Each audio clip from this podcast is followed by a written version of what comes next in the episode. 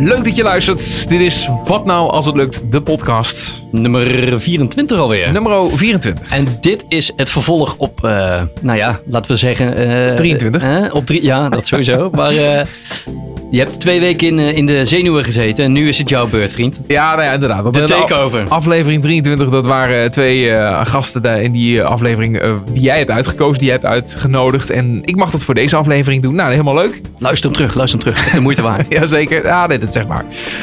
zometeen gaan we onder andere het het even hebben over Devices. En dat is een, echt een lekkere rock garage band.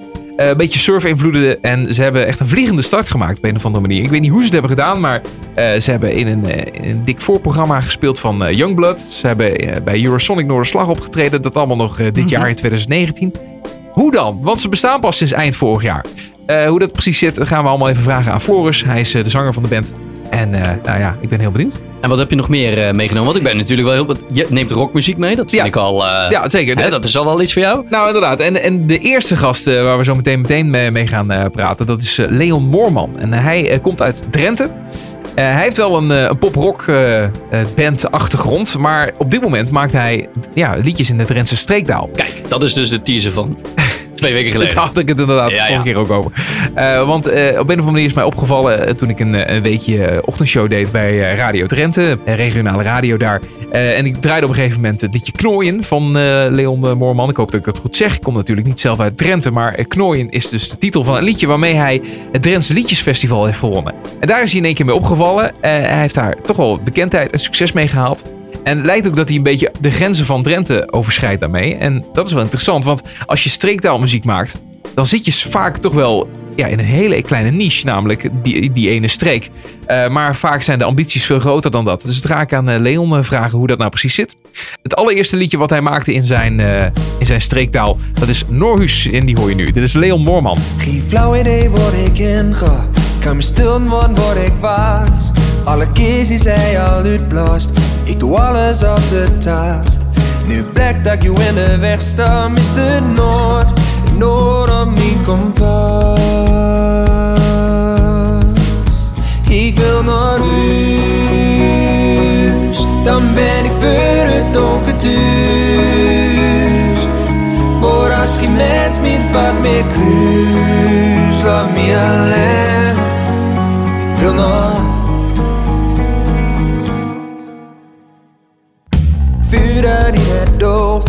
Was het laatste wat ik zag. Het laatste wat me warm hield Een verschil van dag en nacht. Rilling op mijn rug, ik raak verkrampt Verg mijn laatste kracht. Ik wil naar huis Dan ben ik voor het pot wat thuis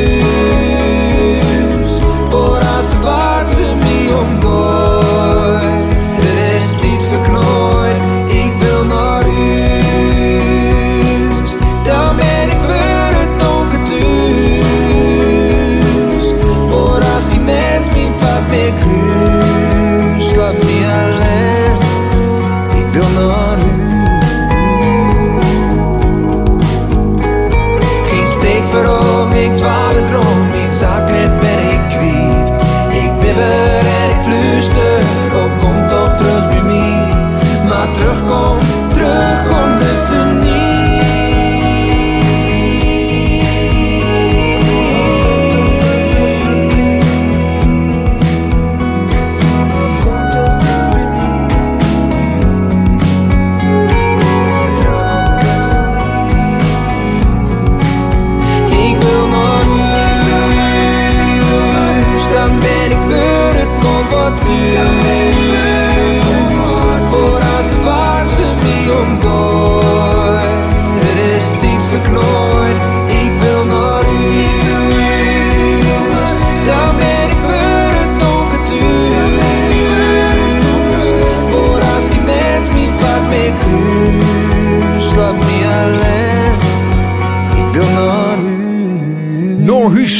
En dat was het liedje waar het eigenlijk allemaal mee begon voor Leon Moorman. Leon, goeiedag.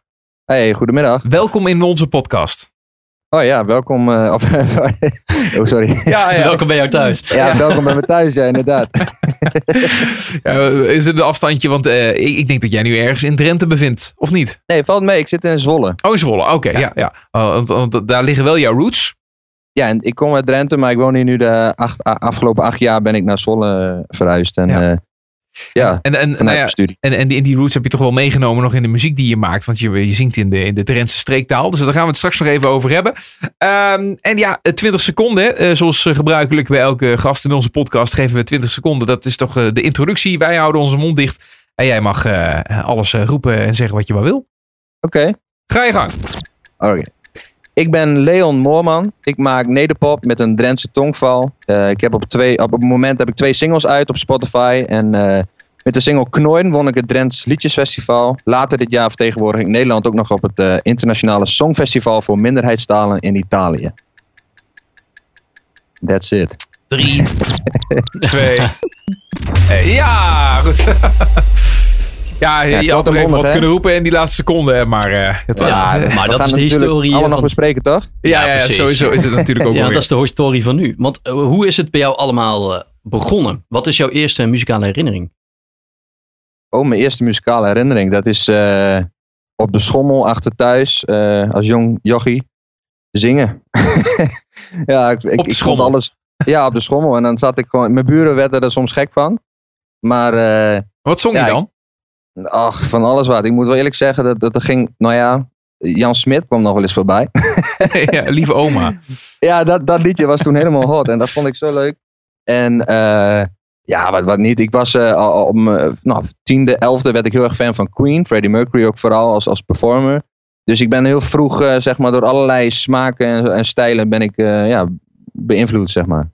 Wat mooi. En eh, Freddie Mercury noem je dan in het bijzonder. Eh, he- heb je daar nog dingen van meegenomen? Of wat was hetgene wat, wat, wat het meeste aansprak in wat hij deed, wat je, wat je misschien nu nog steeds doet?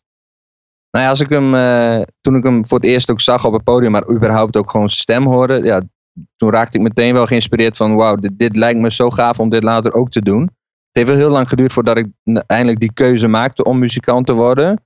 Want eigenlijk kwam die keuze pas begin 20, zeg maar, dat ik daar echt definitief voor wilde gaan.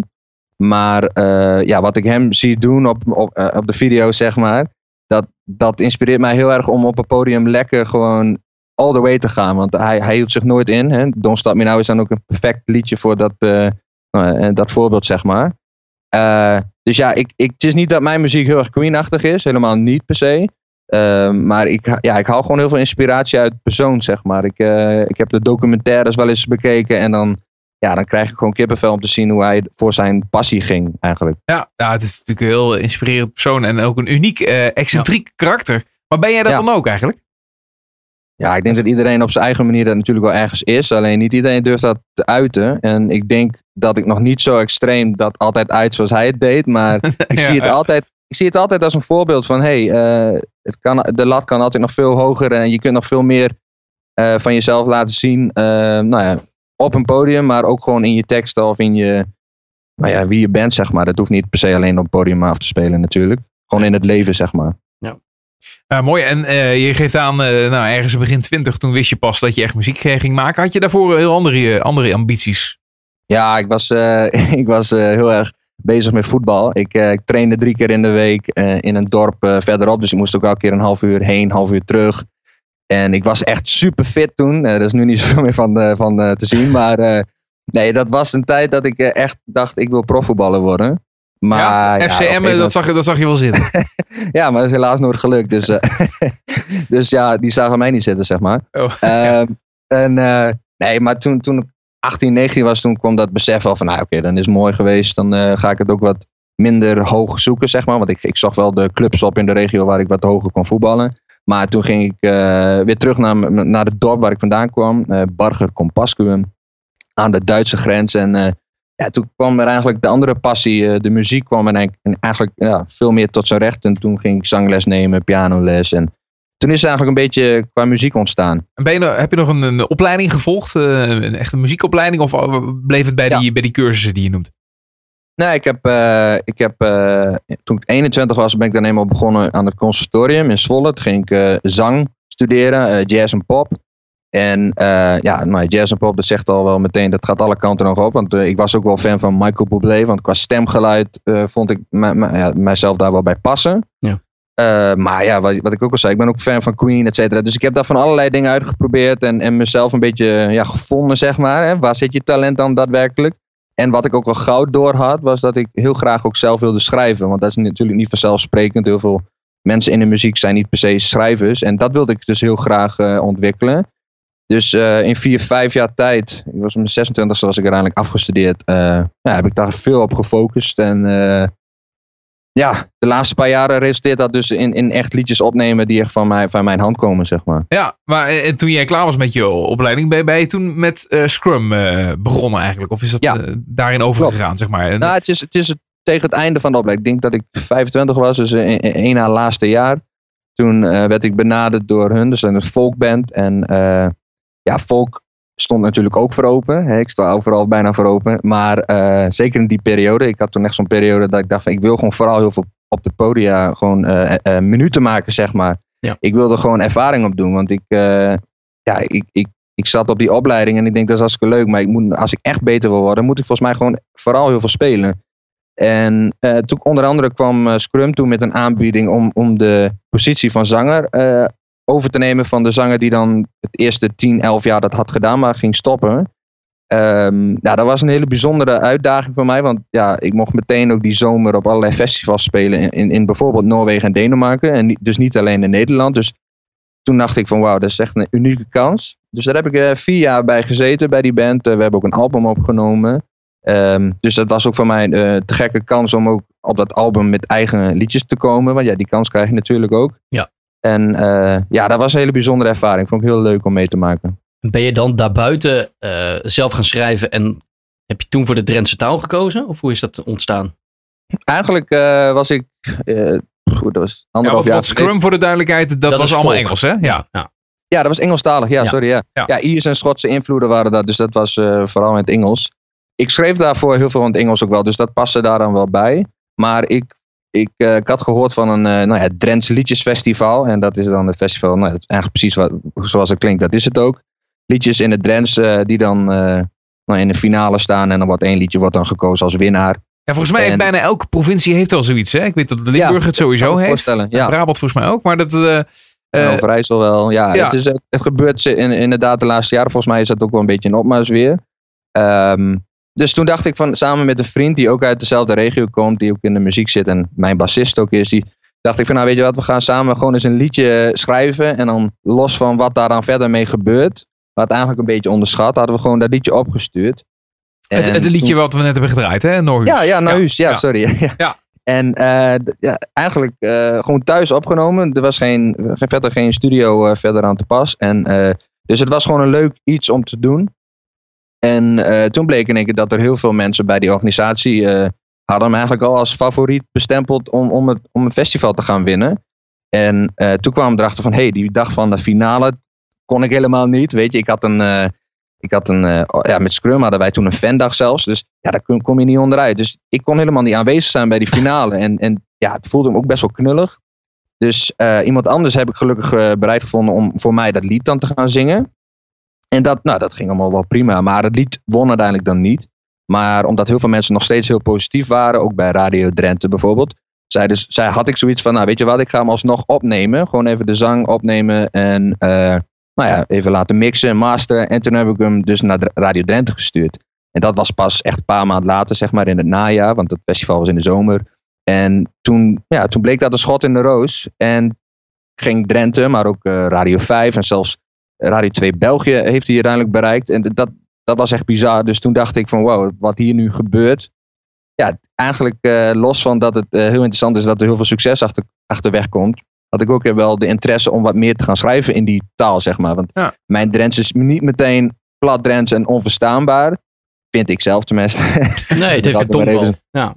Precies. En uh, ik denk, ja, hoe, hoe cool zou het zijn als het met één liedje zo ja, eigenlijk met een beetje toeval, uh, naar mijn idee, uh, lukt om, om nou, landelijk uh, succes te hebben, ja, dan wil ik daar wel wat meer energie in steken. Nou goed, lang verhaal kort, ook bij de band is daarover gesproken, bij Scrum destijds nog. En eh, nou, die hadden in eerste instantie ook zoiets van, ja, leuk Drents liedje, moet je doen, weet je. Eh, en toen zij ook zagen dat er heel veel succes achter wegkwam, toen hebben we daar goed over gepraat. En uiteindelijk is de beslissing genomen dat, nou ja, dat ik me dan kon focussen vanaf de zomer, zeg maar, de afgelopen zomer, eh, op een solo carrière. Dus, Ja, en nu hebben we het over 2018, hè? De, dat, ja, dat jaar. eh, afgelopen december is het liedje groot geworden, eh, dus 2018. Ja. En nu een half jaar of ruim een half jaar verder zijn we inmiddels tot de, de hè, dat ik in juni ben ik zeg maar gestopt met Scrum en ben ik officieel helemaal Oh, oké, dat was een, was een dat was vrij Ja, recent Ja, heel recent. Ja, Ja. ja, ja. ja. want, eh, je hebt op een of andere manier eh, heb je het voor elkaar gekregen om dan vervolgens weer mee te doen met datzelfde liedjesfestival. Ja, ja, want ik had ook zoiets van, eh, dan is dat natuurlijk een hele goede plek om dan een soort van vervolg te geven aan het vorige lied. Ehm, het wordt goed bekeken in Drenthe en ook zelfs daarbuiten. Ehm, ik had zoiets van, nou, ik was er vorig jaar niet bij. Ik wil dat heel graag alsnog inhalen, die, die kans die ik toen niet moest laten liggen. Dus ja, Knoien, dat eh, tweede liedje wat ik dan heb geschreven, die, eh, die stond ook in de finale, heb ik ook opgestuurd. En toen mocht ik hem zelf ook zingen. En dat ging dan gelukkig heel goed, want eh, ik had dan gewonnen. Je hebt gewonnen, ja. Ja, precies. Ja, dat, dat, dat ging aardig goed natuurlijk, ja. Ja. Het is aan de ene kant, je kunt, je kunt heel groot worden, maar wel ja, binnen een bepaalde regio. In ieder geval, dat, die kans is het grootst dat, dat je daar succes hebt. Want Ja. je zingt in de taal eh, en de mensen in die regio die kennen die taal natuurlijk. Maar Ja. ehm, ik merk wel aan jou, je, je wil wel verder gaan. Je wil wel die, die, die grens over, zeg maar. En niet eh, je beperkt willen gaan voelen in- binnen Drenthe. Ja, nou ja, eh, het is iets waar ik dus de komende jaren achter moet komen, hoe ver dat eh, haalbaar is. Maar ja, het feit dat, dat Nahuus al wel eh, op de eh, playlist heeft gestaan van Radio 2 België, had ik wel zoiets van, nou ja, blijkbaar is daar iets mogelijk. En nou heeft Drenthe misschien niet zo'n groot vlak als bijvoorbeeld Italiaans, maar ook Eros Ramazzotti heeft natuurlijk in Nederland in de playlist gestaan. Ja. En ja, weet je, Andere Het is talen, misschien- ja. ja, precies. ja. En het, ik zeg al heel bewust, Drents heeft misschien niet zo'n groot draagvlak. Want bij Italiaanse teksten associëren mensen lekker de pizzeria of weet ik veel. Of een vakantieland. Maar ja, wie weet kan, kan ik dat met Drents ook. Als het gewoon, ehm, gewoon goed klinkt. Dat is denk ik belangrijk. Want als mensen het totaal, toch totaal niet verstaan. dan- bijvoorbeeld ik, eh, ik wil in, in Frankrijk of zo wil ik doorbreken. Dan, dan zullen ze het nooit verstaan. Maar als het lekker klinkt, ja, wie weet, weet je. Dus ik probeer gewoon uit eh, hoe ver ik daarmee kan gaan. Eh, en bovendien eh, is natuurlijk gewoon het Neder-Saxisch taalgebied, waar Drents dus wel wat bekender in de oren klinkt, is natuurlijk ook gewoon een heel groot doel. Want als ik eh naar vergelijkbare, nou ja, vergelijkbaar, Bukkers bijvoorbeeld, die doet het de laatste tijd heel goed met het Neder-Saxisch. Ja. Eh, die wordt ook gewoon op Radio 2 bijvoorbeeld gedraaid en, en andere zenders. En die spelen ook op allerlei festivals. En weliswaar misschien wat meer in het oosten van het land. Maar het is wel een eh, succes als je dat kunt eh, bereiken, zeg maar. Ja, ja de eh, eh, ja, eigenlijk oorspronkelijk uit, uit Overijssel. En, en we ja, zijn dan wat dat betreft al verder gegaan dan alleen die provincie. En, maar Ja. goed, binnen Drenthe, Daniel Lohuis bijvoorbeeld en, en, en voorheen Skik. Is Ja. natuurlijk ook een voorbeeld van wat, wat veel verder ging. En Rowan Herzen en nou ja, die Ja. bandjes die, die eh, echt allemaal in de streektaal zingen.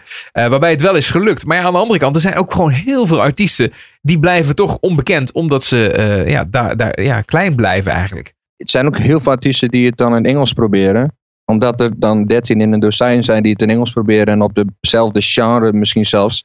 Dus wat dat En betreft. dat dan denk ook niet lukt. Ja, dat is waar. Precies, Ja, dus ja, dat, ja, dat, ja. Dat, dat is natuurlijk. Het is ook een moeilijke van- keuze inderdaad. Of je Ja. maakt iets wat, wat, eh, hè, wat, wat commercieel misschien eh, in het Engels of zo eh, heel aantrekkelijk kan zijn. Maar ja, dat doen dan inderdaad heel veel meer mensen. Of je maakt iets in de streektaal wat relatief gezien minder mensen doen. Maar ja, wat dan ook weer een wat meer klein eh, niche gebied is Meer natuurlijk. onderscheidend. Ja. Ja, nee, maar het is inderdaad nog een, een goede vraag. Hè? Hoe ga je dat doen? Kijk, als ik, de, als ik dat allemaal precies weet, dan eh, was het misschien nu al veel verder geweest dan het was. Maar ik moet wel eerlijk zeggen dat, dat ik al heel blij ben met wat ik in een korte tijd dus heb bereikt. Dus ik denk dat er echt wel kansen zijn. En waar die precies liggen, ja.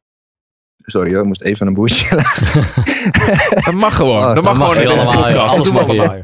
Oh, verdorie. Eh, ja, ik praat zoveel, dan krijg ik zoveel lucht eh, in mijn middenrif. Ah, ja. Maar goed, anyway. Ehm, eh, toen, ja, toen ik merkte dat dat dus met twee liedjes die ik nu uitgebracht heb, toch elke keer echt wel animo is voor, voor, voor, de, voor mijn muziek. Ja, toen dacht ik wel van ja, misschien moet ik. eh, ja, misschien moet ik gewoon even goed kijken van hoe, hoe doen andere artiesten dat dus. Kijk, social media is tegenwoordig heel belangrijk. Dus je moet gewoon vooral investeren. Kijk, dat is het ook. En je moet even geld investeren als artiest om een beetje aandacht te krijgen. Want als jij, eh, als je kijkt naar, ehm, even een voorbeeld. Nou, mensen vroeger werd er heel veel met pluggers nog wel gewerkt bij radiostations, zeg maar. En da, ja, da- daar gaan mensen dan heel veel geld tegenaan gooien. En dan hopen ze dat een plaatje gedraaid wordt. Nou ja, eigenlijk is het in deze tijd qua online eh playlist is het natuurlijk ongeveer hetzelfde. Kijk, ik moet nog wel even kijken eh, hoe ik dat aanpak. Maar ik, eh, tot nu toe ben ik al heel blij met de aandacht die ik krijg door puur leuke content te plaatsen, zeg maar op social media. de aandacht die ik krijg van radiostations. Ja. Zelf veel mensen mailen. Ja, kijk, het, het moet een beetje groeien. Het moet een beetje een, een soort van olievlekje worden die dan steeds groter wordt of zo. Of een sneeuwbaleffect, zeg maar. Dus ergens in een genre als dit heb je dus inderdaad te maken met een niche-markt. Maar ik denk wel dat. eh, God, dat klinkt dit allemaal heel zakelijk. Ehm, kijk, ik maak uiteindelijk, om het even. Ik maak natuurlijk uiteindelijk gewoon muziek om, omdat ik het mooi vind en daar mijn, eh, zeg maar, hè, mijn artisticiteit in kwijt te kunnen. Maar ja, tuurlijk, die zakelijke kant, daar denk ik ook wel eens over na. Maar als ik de waarheid in pacht heb, ja, dan. Dat weet ik natuurlijk ook weer helemaal niet hoe dat precies werkt. dat- ik dat- merk dat- alleen dat ik. Maar zou het kunnen zijn, want Ja. je hebt nu met eh Knoin heb je het eh Drents Liedjesfestival gewonnen. Ja. Eh, en daarmee ga je dus eh, naar Italië. Klopt, ja. Het eh, internationale songfestival voor minderheidstalen. Ja. Eh, wat dat inhoudt, mag je zo even vertellen. Maar is dat dan ook, zou je dat ook als springplank kunnen gebruiken? Want Nou daar ja. komt ook natuurlijk wel een netwerk wat jij heel erg kan gebruiken. Ja, nou ja, precies. Dat, dat, eh, dat is inderdaad een hele goede. Dat is zeg maar ook iets waar ik eh, eh, wel mee bezig ben nu al. Want het zal pas eind november eh, plaatsvinden. Maar ik ben nu al wel bezig om te kijken van hoe kan ik daar ook in Nederland toch eens wat meer reuring krijgen. Want kijk, het is natuurlijk wel zo. het is niet te vergelijken misschien met het Eurovisie Songfestival. Maar ik ga wel Nederland vertegenwoordigen in het buitenland. En ja, daar mag, toch, eh, daar mag toch wel een beetje, een beetje aandacht voor komen, dacht ik dan. Dus ik, Ja. ik ben wel bezig zeg maar, om wat eh, eh, ja, media alvast in te lichten. Ehm, dus ja, nou, dat is een mooie kant daaraan. Maar ook daar, als ik daar ben, zal het een plek zijn waar heel veel mensen die natuurlijk. alle deelnemers die daar meedoen, zijn dus eigenlijk al bijvoorbeeld al, weet je al, dat die geïnteresseerd zijn in, in streektalen. Want eh, er kan er iemand uit Wales komen, zeg maar, met een, eh, een plaatselijk dialect. Vorig jaar weet ik dat eh, een, Catalaans duo heeft gewonnen. Dus weet je, uit heel Europa volgens mij, en misschien zelfs daarbuiten, zullen mensen komen die geïnteresseerd zijn in streektaalmuziek. En da- daardoor dus ook niet alleen letten op kunnen we het verstaan, maar vinden we het mooi en supporten we het, zeg maar. Ja. Dus wie weet kan ik daar inderdaad nog wat meer netwerk inderdaad op doen en meer plekken eh, eh, veroveren misschien. Ja, Ja. het is wel een heel mooi podium om dat. Zeker, een hele mooie kans. Ja, ja. Ja. Hey, en, en is er in Nederland ook een artiest, misschien een artiest in de streektaal die jij echt wel als een, als een eh, inspiratiebron ziet? En dat is dan misschien wel als een voorbeeld? Ehm, nou, ik, ik- omdat ik eh, zeg maar echt wel popmuziek wil maken, eh, wat, dan, ehm, ja, wat dan voor veel mensen toegankelijk moet zijn, vind ik Daniel is niet het perfecte voorbeeld, maar hij is natuurlijk wel de pionier in het Drents, zeg maar. Dat is wel eh, een, een, een voorbeeld als je kijkt naar nou hoe hij dat in theaters, maar ook tegenwoordig op festivals met een stevige band kan doen. Dus eh, dat is wel echt een eh, voorbeeld. Maar ik denk Buckus of zo, weet je, dat is misschien een. komt wat dichterbij qua stijl muziek. Ja, weet je, dat, ik denk dat die twee wel hele goede voorbeelden zijn van waar ik af en toe een beetje van af kan kijken. Maar als Ja. ik heel eerlijk ben, kijk ik niet per se naar streektaalvoorbeelden. Want soms als ik een liedje schrijf, dan, dan schrijf ik het met een paar andere mensen, zeg maar. En dan hebben we wel, wordt er wel eens een, eh, een, een, een onderwerp voorgesteld wat dan heel erg Drents is. Maar dan denk ik van ja, ik zoek eigenlijk juist eh, onderwerpen wat alledaags is en niet per se Drents. Alleen ik zing het hooguit met een Drentse tongval, zeg maar. Ja. Dus, ehm, dus ook mijn voorbeelden zijn dus ook, eh, gewoon Amerikaanse bands of Engelse artiesten of zo. Weet je? Dus het, het, hoeft niet per se voor mij een, een Drent te zijn waar ik de kunsten van afkijk, zeg maar. Ja. En zou jij ooit in de toekomst gewoon nog wel eens dat hele Drents willen laten varen en dan gewoon toch overgaan op het Engels? Oh ja, dat is ook zeker wel iets waar ik mee bezig ben. Want het, ik vind het heel mooi om hier nu mee bezig te zijn. Het zou me heel leuk lijken als ik echt een album vol kan maken. Maar ja, ik zeg ook heel bewust nederpop met een Drentse tongval. Ik, ik, ga, ik heb ook zeker liedjes op de plank liggen die eh, eigenlijk gewoon ABN zijn. maar er zitten af en toe woorden bij waar ik dan misschien wel even de Drentse rijm net even mooi vind. En dat, dat is iets waar ik dus ook tegenaan loop. Als je, als je eh, iets wel in het ABN of juist andersom in Drents zou willen schrijven, zitten daar bepaalde teksten die dan net niet eh, passen of eh, in de ene taal wel en in de andere taal niet. En eh, ja, dan snoep ik gewoon een beetje de, ja, als dichterlijke vrijheid, pak ik die kans aan om af en toe even iets in het Drents te doen of juist iets, eh, een ABN te kiezen. Zeg maar. Juist. Ja. Maar het, is niet, dat- het is niet dat je echt gewoon het idee hebt dat je jezelf als een soort van vertegenwoordiger ziet van de, van de, van, ja, van de Drentse tongval of streektaal, hoe je wilt, zeg maar, of van Drenthe. eh, door, door in die taal ook muziek te maken. Het, is, is het misschien ook eerder dat je, dat, ja, dat je nu even toevallig in een flow zit van. Oh ja, ik, het, het, het, je hebt het even mee. Hè, het succes van, eh, van het afgelopen jaar. En ook Ja. met het eh, Drents Liedjesfestival. Dat je daar even meegaat op die golf als het ware. Maar dat je daar even zo makkelijk ook weer van afstapt. Eh, nou, ik denk niet dat het even zo makkelijk is, maar er zit wel een kern van waarheid in. Het zit, zit eh, zeg maar, ik, ik voel heus wel eh, de trots dat ik in het Drents, onze taal, zeg maar, of nou ja, weet je, binnen de Drents zijn er heel veel verschillende talen weer. Hè? Per streek verschilt het. Ehm, maar dat ik het Neder-Saxisch, om het dan even zo te noemen, mag promoten, dat is echt wel heel, heel tof. Want je krijgt er ook heel veel ja, mensen die dat dan te gek vinden. En dan besef je ook pas van, hé, hey, dit, is, dit is heel gaaf dat ik dat ook voor die mensen dan kan doen. Maar inderdaad, die andere kant zit er ook gewoon aan. Ik heb gewoon meegemaakt wat, wat het succes hierachter is. En ja, ik voelde gewoon ook de afgelopen tijd dan, eh, ja, naarmate het succes vorderde, zeg maar ook een beetje de drang om gewoon een, andere richting in te slaan. En iets te doen wat veel meer bij me paste. En dan is het, de Drentse taal is natuurlijk gewoon waar ik mee opgegroeid ben. En dan, dan voelt het ook gewoon op dit moment, eh, zelfs letterlijk is, heeft ook een beetje dat, dat eh, gevoel, zeg maar. Dat, dat, mensen een beetje dat thuisgevoel krijgen. Nou, dat had het liedje natuurlijk ook voor mij. Ehm, in, een, ja, in de zin van dat het gewoon mijn taal was. En daar voelde ik me even mijn roots, zeg maar, weer. En, en inderdaad, het kan maar zo zijn dat ik over een jaar of twee, drie eh, echt eh, met een Engelstalig album kom. Of, of juist ABM. Maar da- daar moet ik gewoon over, over nadenken. Als je ergens voor gaat, zeg maar, dan kun je niet binnen één, twee, of soms ook niet in drie jaar zeggen of het geslaagd is of niet. Je moet, je moet er ergens achter staan en dan moet je ergens voor gaan. En Dus dat is voor mij nu wel, zeg maar, eh, de houding die ik hierin heb. Ja. Dus ik wil gewoon uitproberen. Doe jij daarbuiten nog iets? Of kun jij al leven van de muziek? Nou, ik leef van de muziek, maar dan is muziek zeg maar wel ook eh, drie avonden in de week een koor dirigeren. Ja. Wat ik eigenlijk heel leuk werk vind, want er zijn altijd hele, hele gezellige mensen die na een dag werken gewoon eh, even lol willen hebben. Dus ik maak dan een, een koorarrangement en dan, eh, weet je, daar verdien ik dan eh, drie avonden in de week mijn geld mee, waar ik de rest van de week gewoon mijn tijd kan steken in het eh, schrijven en eh, optreden en zo. Dus ja, ik leef van de muziek, maar dat, het is niet alleen van het optreden. En als je nog kijkt hier in Nederland, hè, of misschien zelfs daarbuiten, welke artiest zou jij nou echt een keertje willen mee willen samenwerken? Wie is misschien wel jouw grote held? En dat kan dan echt iedereen zijn, dat is niet, natuurlijk niet stre- eh, streektaal gebonden. Nee, zeker. Ehm nou ja, van, van, van, ik vind Robbie Williams vind ik wel echt een eh, held, zeg maar. Dat is iemand die ook heel veel heeft gedaan. Ook verschillende stijlen. Hè? Dus eh, Ja. ook in de swing en een beetje de, hè, de, de big band-achtige dingen. Maar ook gewoon keiharde pop. Dus eh, eigenlijk is hij wel een heel goed voorbeeld voor, voor wat ik ooit hoop te bereiken. Dat ik in verschillende stijlen mezelf kan laten zien, zeg maar. Oké, dus Leon Moorman, de nieuwe Robbie Williams. Dat zou het dan Nou ja, eigenlijk moeten zijn. dat- Misschien moet je wel eerst zou- in een boyband stappen om dat te bereiken. Nou, ik zal je vertellen, dat heb ik ooit gedaan. Ik, heb, ik zat eh, ooit, eh, toen ik eh 21 was, deed ik mee aan X-Factor. Iemand had me daarvoor opgegeven. En ik had zoiets van, nou, het is denk ik afgezaagd als ik daar nu gewoon mee, mee ga doen. Want het programma bestond ook al heel lang. En ja, ik, iedereen werd natuurlijk afgezekerd door de jury. Maar ik deed mee en ehm, toen, toen kwam ik er eigenlijk achter van, nou, blijkbaar kan ik dan wel zingen. Want ik kwam toch een paar rondes verder. En toen hebben ze me uiteindelijk in een boyband gezet. En daarmee hebben we zelfs de tweede liveshow nog bereikt. Alleen, ik raad niemand aan om er terug te kijken. Er staat nog wel ergens op je. Dat gaat dus Nou, staat wel helaas, helaas vast wel ergens op YouTube.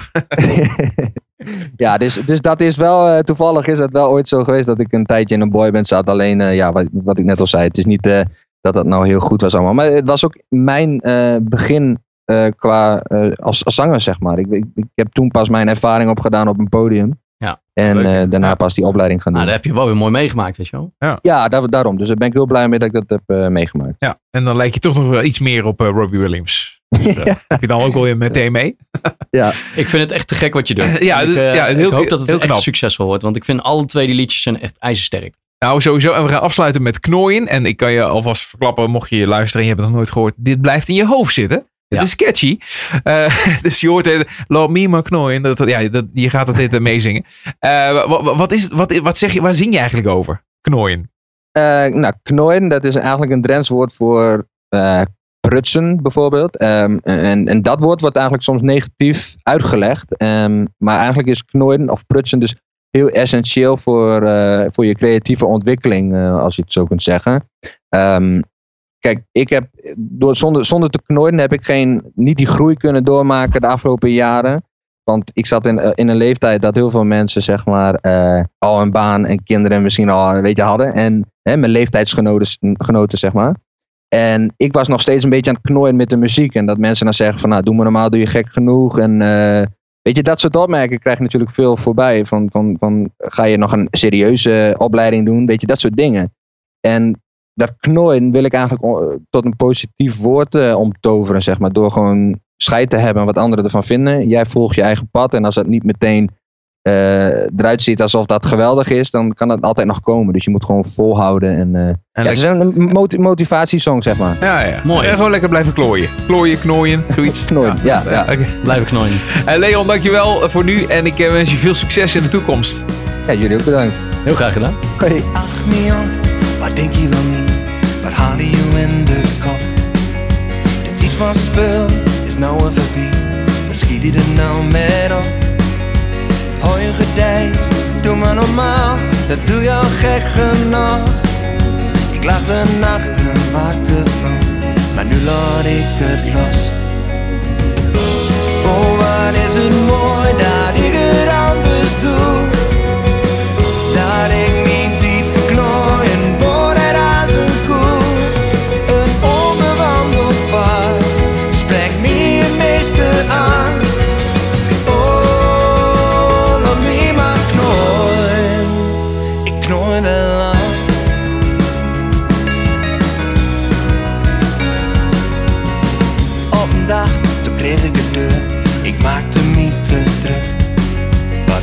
Ervan vindt, dat doet er niet toe. Dat bepaalt niet mijn geluk. Maar kijk toch eens aan, voor als ik sta, ik heb de wind nu in de rug. En als op een dag die wind weer keert, dan deins ik niet meer terug. Oh, waar is het mooi dat ik het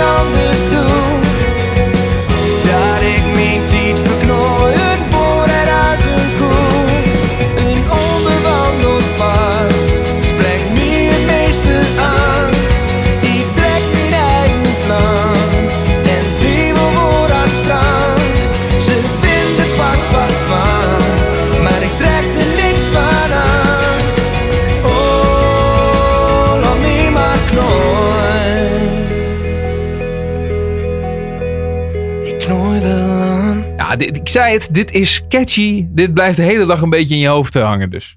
En ik weet nu dat het de prutsen betekent. Ja. Leuk. Loop me maar knooien. Ja. Eh, Leon Moorman dus over eh, streektaalmuziek. En ik ben benieuwd hoor. Ja, ik voel wel wat hij ook wel aangeeft. Is dat dit, dit is natuurlijk ook een beetje meeliften op het eh, succes wat hij nu eh, behaalt. Met deze Drentse liedjes die hij maakt. Maar ik zie hem over een paar jaar wel gewoon weer terug naar het Engels gaan hoor. Ik denk dat het een genre-ontdekker gaat worden.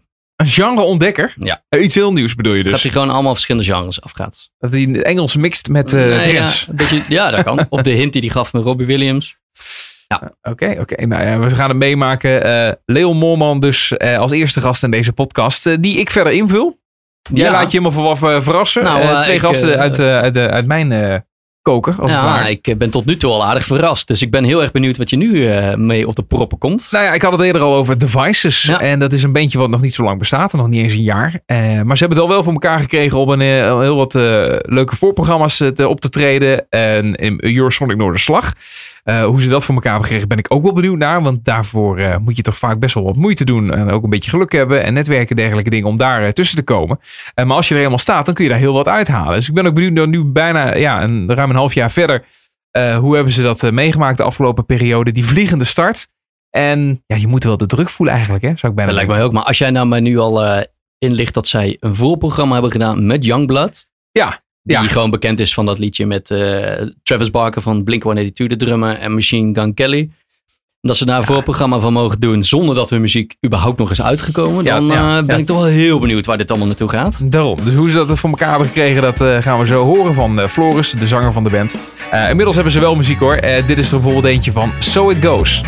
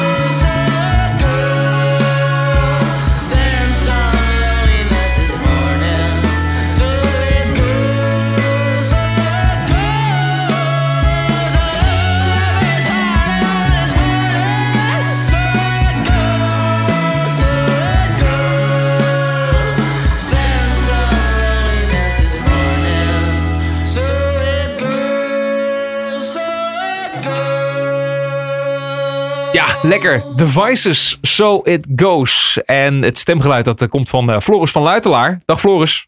Hallo, Leuk dat je er bent in onze podcast. Welkom.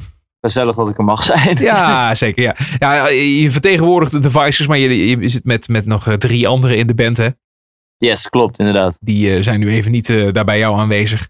Maar we gaan gewoon met jou even kletsen over de band en wat jullie allemaal doen en waar jullie, waar jullie heen willen en noem maar op.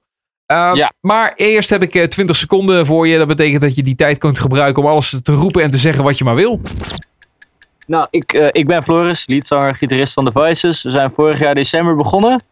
Mochten eigenlijk meteen op tour met Youngblood en op Eurosonic spelen. En nu gaan we meedoen aan de popronde dit jaar.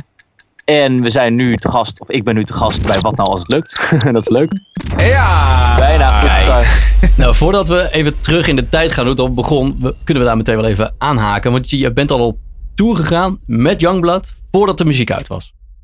Ja, ik ehm, heb, dat, dat, dat ging eigenlijk heel grappig. Ik was aan het zitten met eh, de programmeur van Vera in Groningen. Ik ben komen uit Groningen.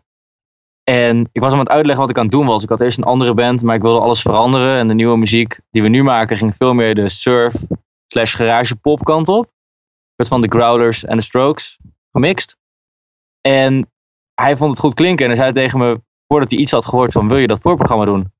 Ik ja. En toen eh, volgde er ook nog een in Den, in Den Haag daarna. En omdat dat zo goed ging, volgde er toen nog een persoonlijke, zeg maar zonder Youngblood, nog een Engelse tour zelfs. Zo, Dus dat was een droomstart. dat is ongelooflijk. Maar, maar dat was dan toch eigenlijk op basis van wat jij al eerder had gedaan bij andere bands. Dat, dat, dat jullie werden gevraagd in, in deze nieuwe samenstelling. Ja, klopt. Ja, ik, ik speelde al samen met een deel van deze band ook. Er kwam nu nog iemand extra bij ook.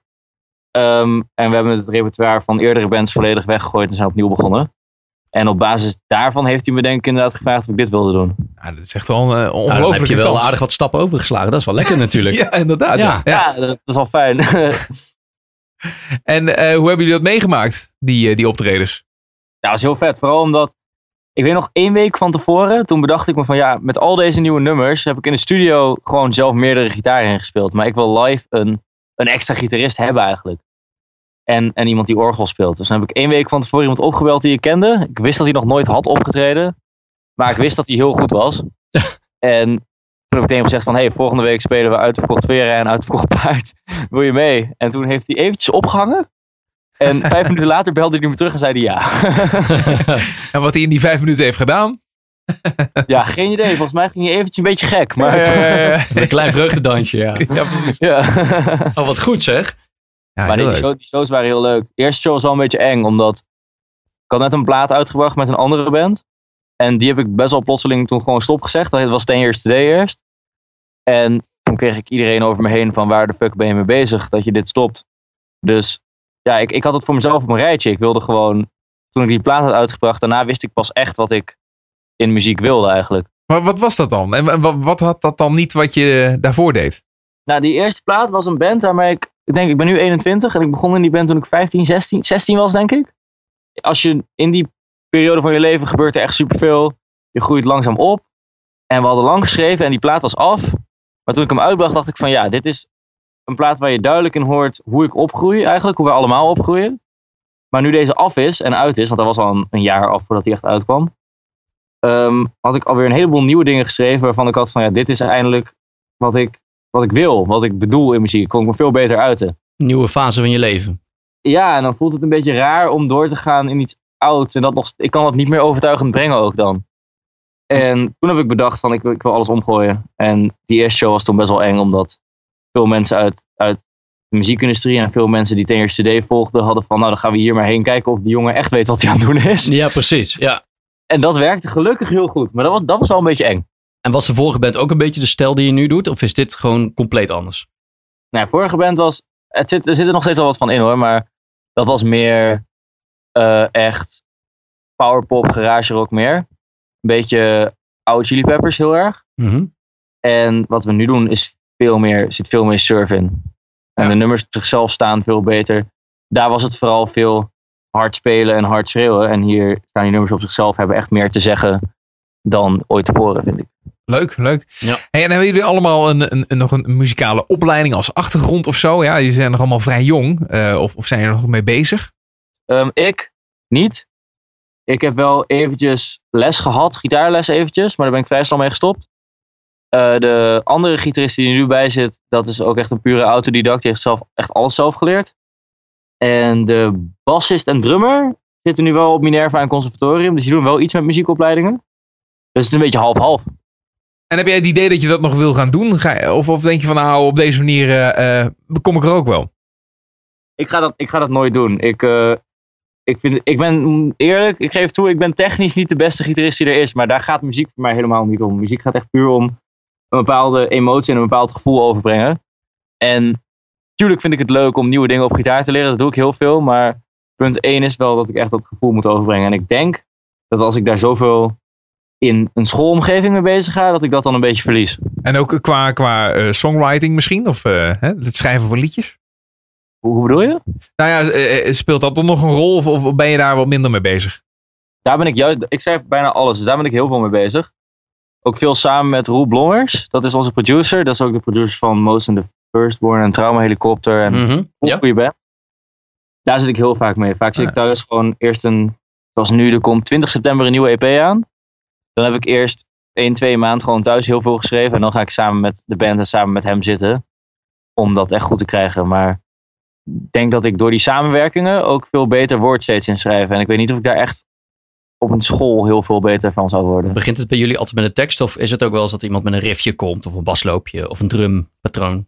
best wel los van elkaar. Ehm, ik schrijf de hele dag door eigenlijk gewoon steeds dingen die in me opkomen. En dat, dat staat dan totaal los van muziek. Gewoon, ik schrijf gewoon waar, waar- wat, wat er in me opkomt. En ondertussen ben ik ook heel vaak gewoon gitaar aan het spelen en dingen aan het schrijven.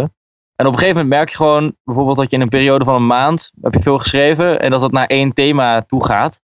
Dat het- want je bent toch met bepaalde dingen bezig in een bepaalde periode. Ja. En vaak merk ik dan uiteindelijk dat het bij één stuk muziek heel goed past. En dan ga ik die twee op elkaar aanpassen en maken we er echt één nummer van. En dat gebeurt wel echt in de repetitieruimte. Daar, als ik de tekst op het nummer heb, dan gaan we echt met z'n allen het heel veel aan het nummer schaven. Totdat het echt, echt een goed geheel wordt, zeg maar.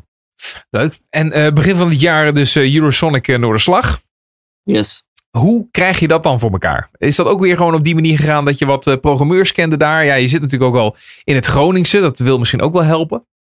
Ik zit in Groningen, ja, nou, die kende ook de band hiervoor, ten eerste. En die wilden ze op zich al hebben op eh, Eurosonic. Oké, ja, ja. En toen heb ik ze eigenlijk gewoon gezegd van ja, sorry, maar dat bestaat vanaf nu niet meer. ja dus je moet hem met de nieuwe doen. Je moet hem met de Vices doen. Ja, en, en eigenlijk was iedereen super supportive. Het verhaal was volgens mij best wel goed. Van, het was eigenlijk de opgegroeide versie van de band hiervoor. We wisten eigenlijk echt wat we wilden. En ja, dat, dat is gewoon goed verwoord. En de meeste mensen hebben dat zo opgepikt Ja, van nou, precies. we dat dan maar Ja, ja. eens kijken of dat echt zo is. Ja, Wel goed hoor, want ik bedoel, er zijn natuurlijk heel veel bandjes die doen een moord om eh, op, op Eurosonic of op een Noorderslag op te treden. Maar eh, ja, dat is, dat is goed, handig dat dat op die manier gewoon ook die kans is geboden. Ook voor je nieuwe project. en merk Ja, jij met de Vices ook dat dat meewerkt? Ik bedoel, je hebt er Eh, best wel wat stappen overgeslagen. Je hebt nu drie singles uit. Volgens mij zijn jullie eh, eh, best wel close met eh, Kink en dat soort dingen. Dus dat werkt allemaal wel mee. Ja, dat werkt mee Kink inderdaad. als Ja. Kink FM bedoel je? Kink FM. Radiozender. Ja. Ja. Ja, ik ben sowieso die mensen van, van Eurosonic en ook Kink en eigenlijk iedereen die ons helpt super dankbaar. Maar ik had niet voor mezelf dat met een eerste CD kunnen doen. Misschien was het dan, dan hadden we ook wel op Eurosonic gestaan. Dus het was, het was wel een beetje een risico, want het had ook helemaal mis kunnen gaan. Ja. Maar ik ga daar niet staan en niet spelen waar ik niet meer achter sta. Dus ik dacht, of ik doe het niet, of ik doe het met Devices nu. En ja, gelukkig, daar ben ik dus ook heel dankbaar voor dat iedereen dat uiteindelijk wel echt enorm gesteund heeft. Ja. Mensen Ja.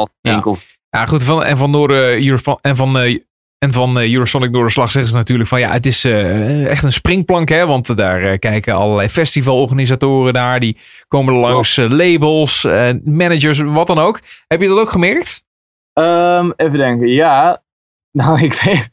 We speelden, ik weet niet of jullie wel eens in Groningen geweest zijn, maar we speelden in Warhol. Dat is een plek waar denk ik 300, 400 mensen, ja, 300 mensen echt maximaal passen. Ja.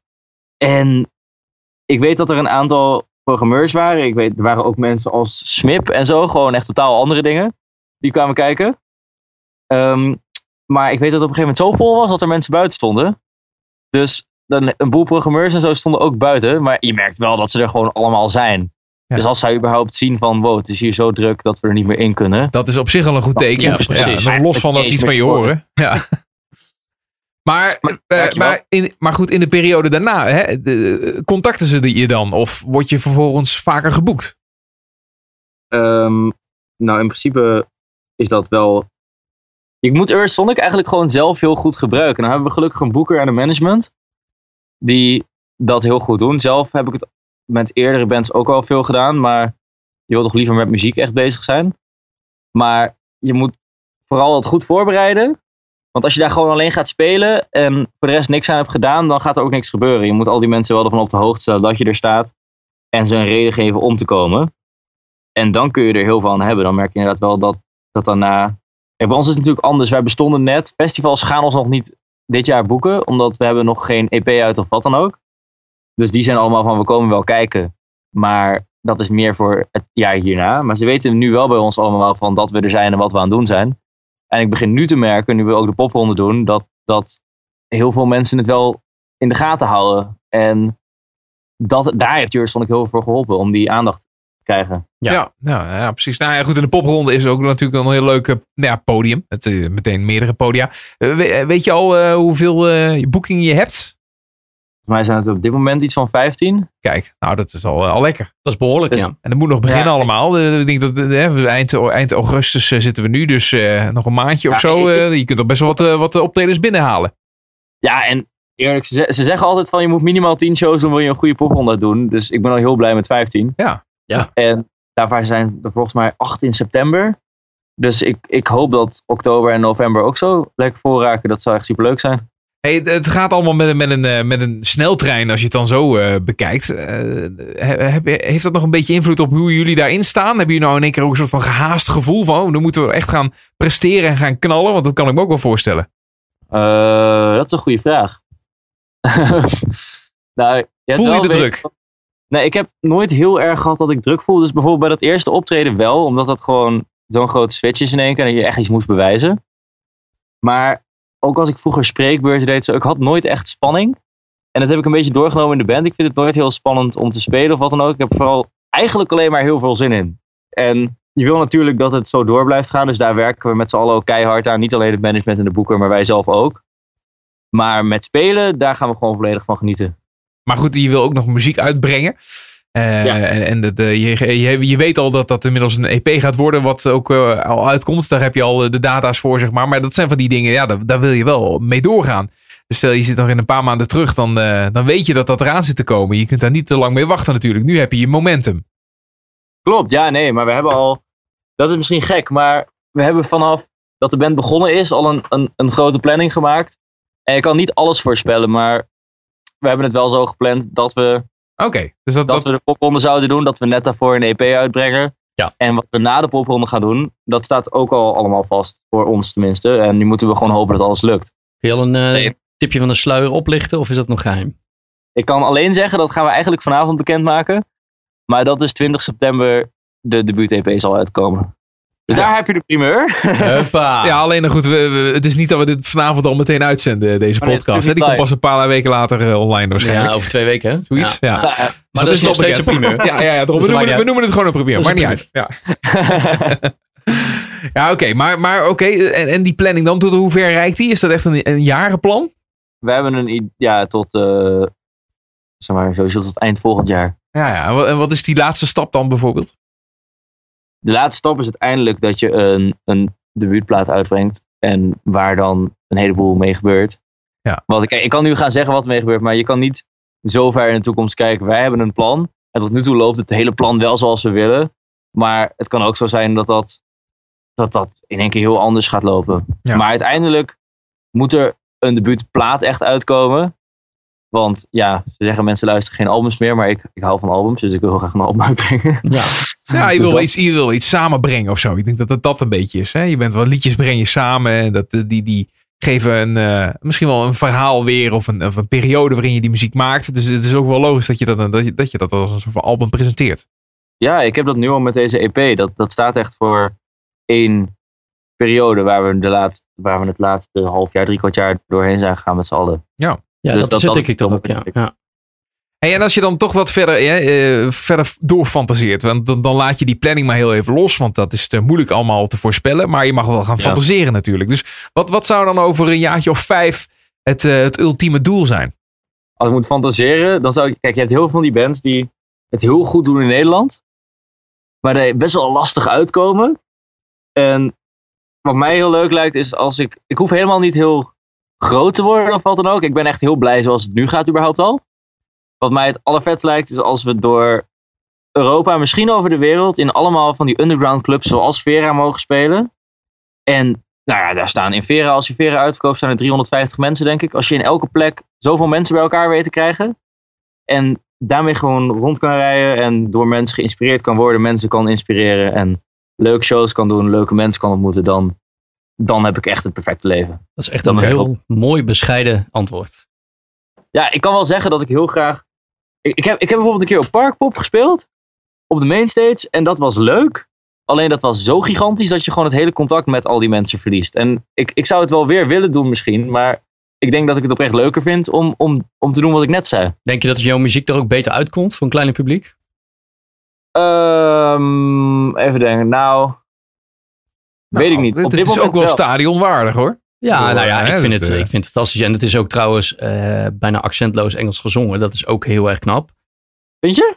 Ja, ik vind het wel heel goed klinken, ja.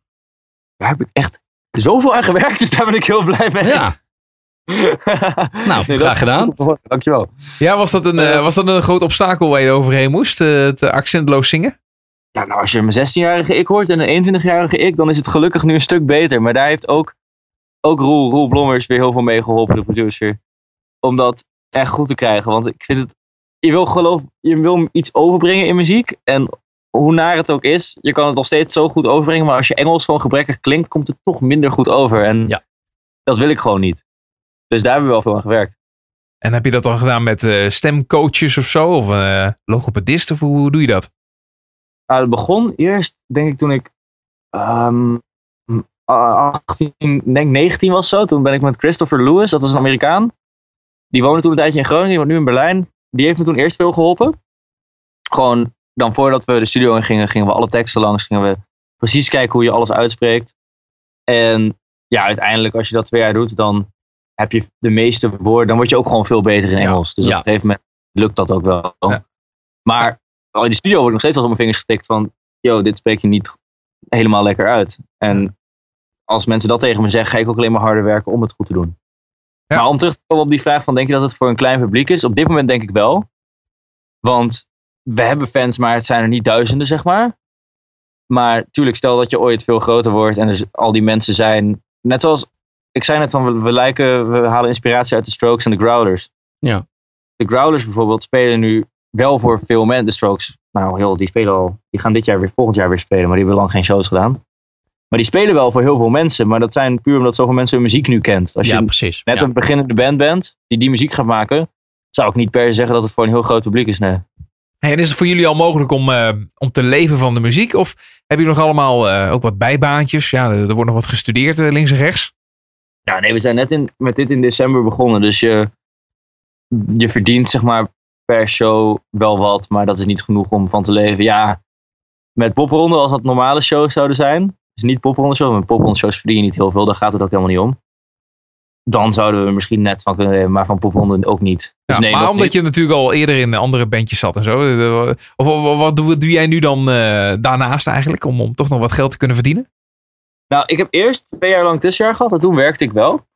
En nu ben ik net begonnen aan een, een studie op de rug hier in Groningen. En dat is kunst, cultuur, media. Dus dat past supergoed bij wat ik nu doe. Ik hoef er ook, zeg maar, het kost niet heel veel tijd, maar dan krijg ik wel studiefinanciering. Dus, Juist. Altijd goed. Maximaal lenen. ja, dus dat, eh, daarvan leef ik nu. Ja, ja, nee, ja, precies. Ja, heerlijk. Als je nog zo jong bent, dan kan dat ook allemaal gewoon. Je hebt niet zoveel onkosten en zo. Dat scheelt, eh, scheelt natuurlijk ook weer een hoop. Nee, Hey. dat valt dat mee. Leuk, leuk om te horen hoe dat, eh, hoe dat allemaal gaat. En wat jullie in korte tijd al hebben meegemaakt. En dat, hopelijk is dat alleen maar een, een goed teken voor de toekomst. Ik hoop het. Het lijkt me leuk om, om zo door te gaan. Het, het brengt alleen maar leuke dingen en leuke mensen eigenlijk. Ja, ja, Ja, dat is Wij zeker. blijven het volgen in ieder geval. En ook eh, zeker de muziek. We gaan afsluiten met Life Grows. Ja, de titel zegt misschien al wel genoeg. Maar kun je even zeggen waar dat over gaat? Live Grows gaat over, dus eigenlijk vooral de laatste periode. En het omvat de hele EP, die het ook Live Grows. Het gaat erover dat soms, zeg maar, er gebeuren, in ieder, ieder, iedereen's leven gebeuren nare dingen. En soms heb je echt zoiets van, fuck, ik wil gewoon dat nu alles stopt gewoon. Maar het leven gaat door en je overkomt die dingen. En uiteindelijk groei je daardoor ook. Volgens mij ben je de hele tijd bezig met uit balans vallen met je omgeving. En dan enigszins je best doen om daar weer in terug te komen. Maar je moet ook realiseren dat al die meningen om je heen van mensen, van wat ze, wat ze zeggen en vinden, daar moet je wel naar luisteren, maar je moet vooral bedenken wat je er zelf van vindt. En toen ik dat realiseerde, besefte ik me van, volgens mij ben ik nu iets gegroeid in mijn leven qua gewoon persoonlijke groei eigenlijk wel. Daar gaat het over. En daar zit dan vervolgens weer een liedje in. Ja, dat leuk. Is, ja, ik kom daar ook pas achter nadat ik het liedje heb geschreven vaak. Ja. en het artwork, die uh, klaproos, staat dat ook voor de periode waarin je nu bevindt? Ja, als je de eerdere covers van Ja, de eerdere ja. PC's bekijkt, dan zie je dat ze daar ook op staan. En een roos heeft iets heel moois, romantisch, maar ook iets een beetje verdorvends of zo. Of, ja, hoe zeg je dat goed? Ja, prikkelend. Of, Ja. ja. Weet je wat je bedoelt? Ja. Het staat voor de twee kanten van het leven eigenlijk, vind ik. Dat het vervelend, er zijn veel vervelende dingen die je moet overkomen, maar uiteindelijk groei je daar juist van, denk ik. Floris, dankjewel voor je tijd. En veel succes Ja, eh, met Devices. Komt helemaal goed, dank jullie wel. Tot ziens. Hoi. They shouldn't hurt you for all the things you've done. You turned out to be the great. Always looking for a friend. Silence, you solve nothing it's right or wrong. Ain't there nothing in between?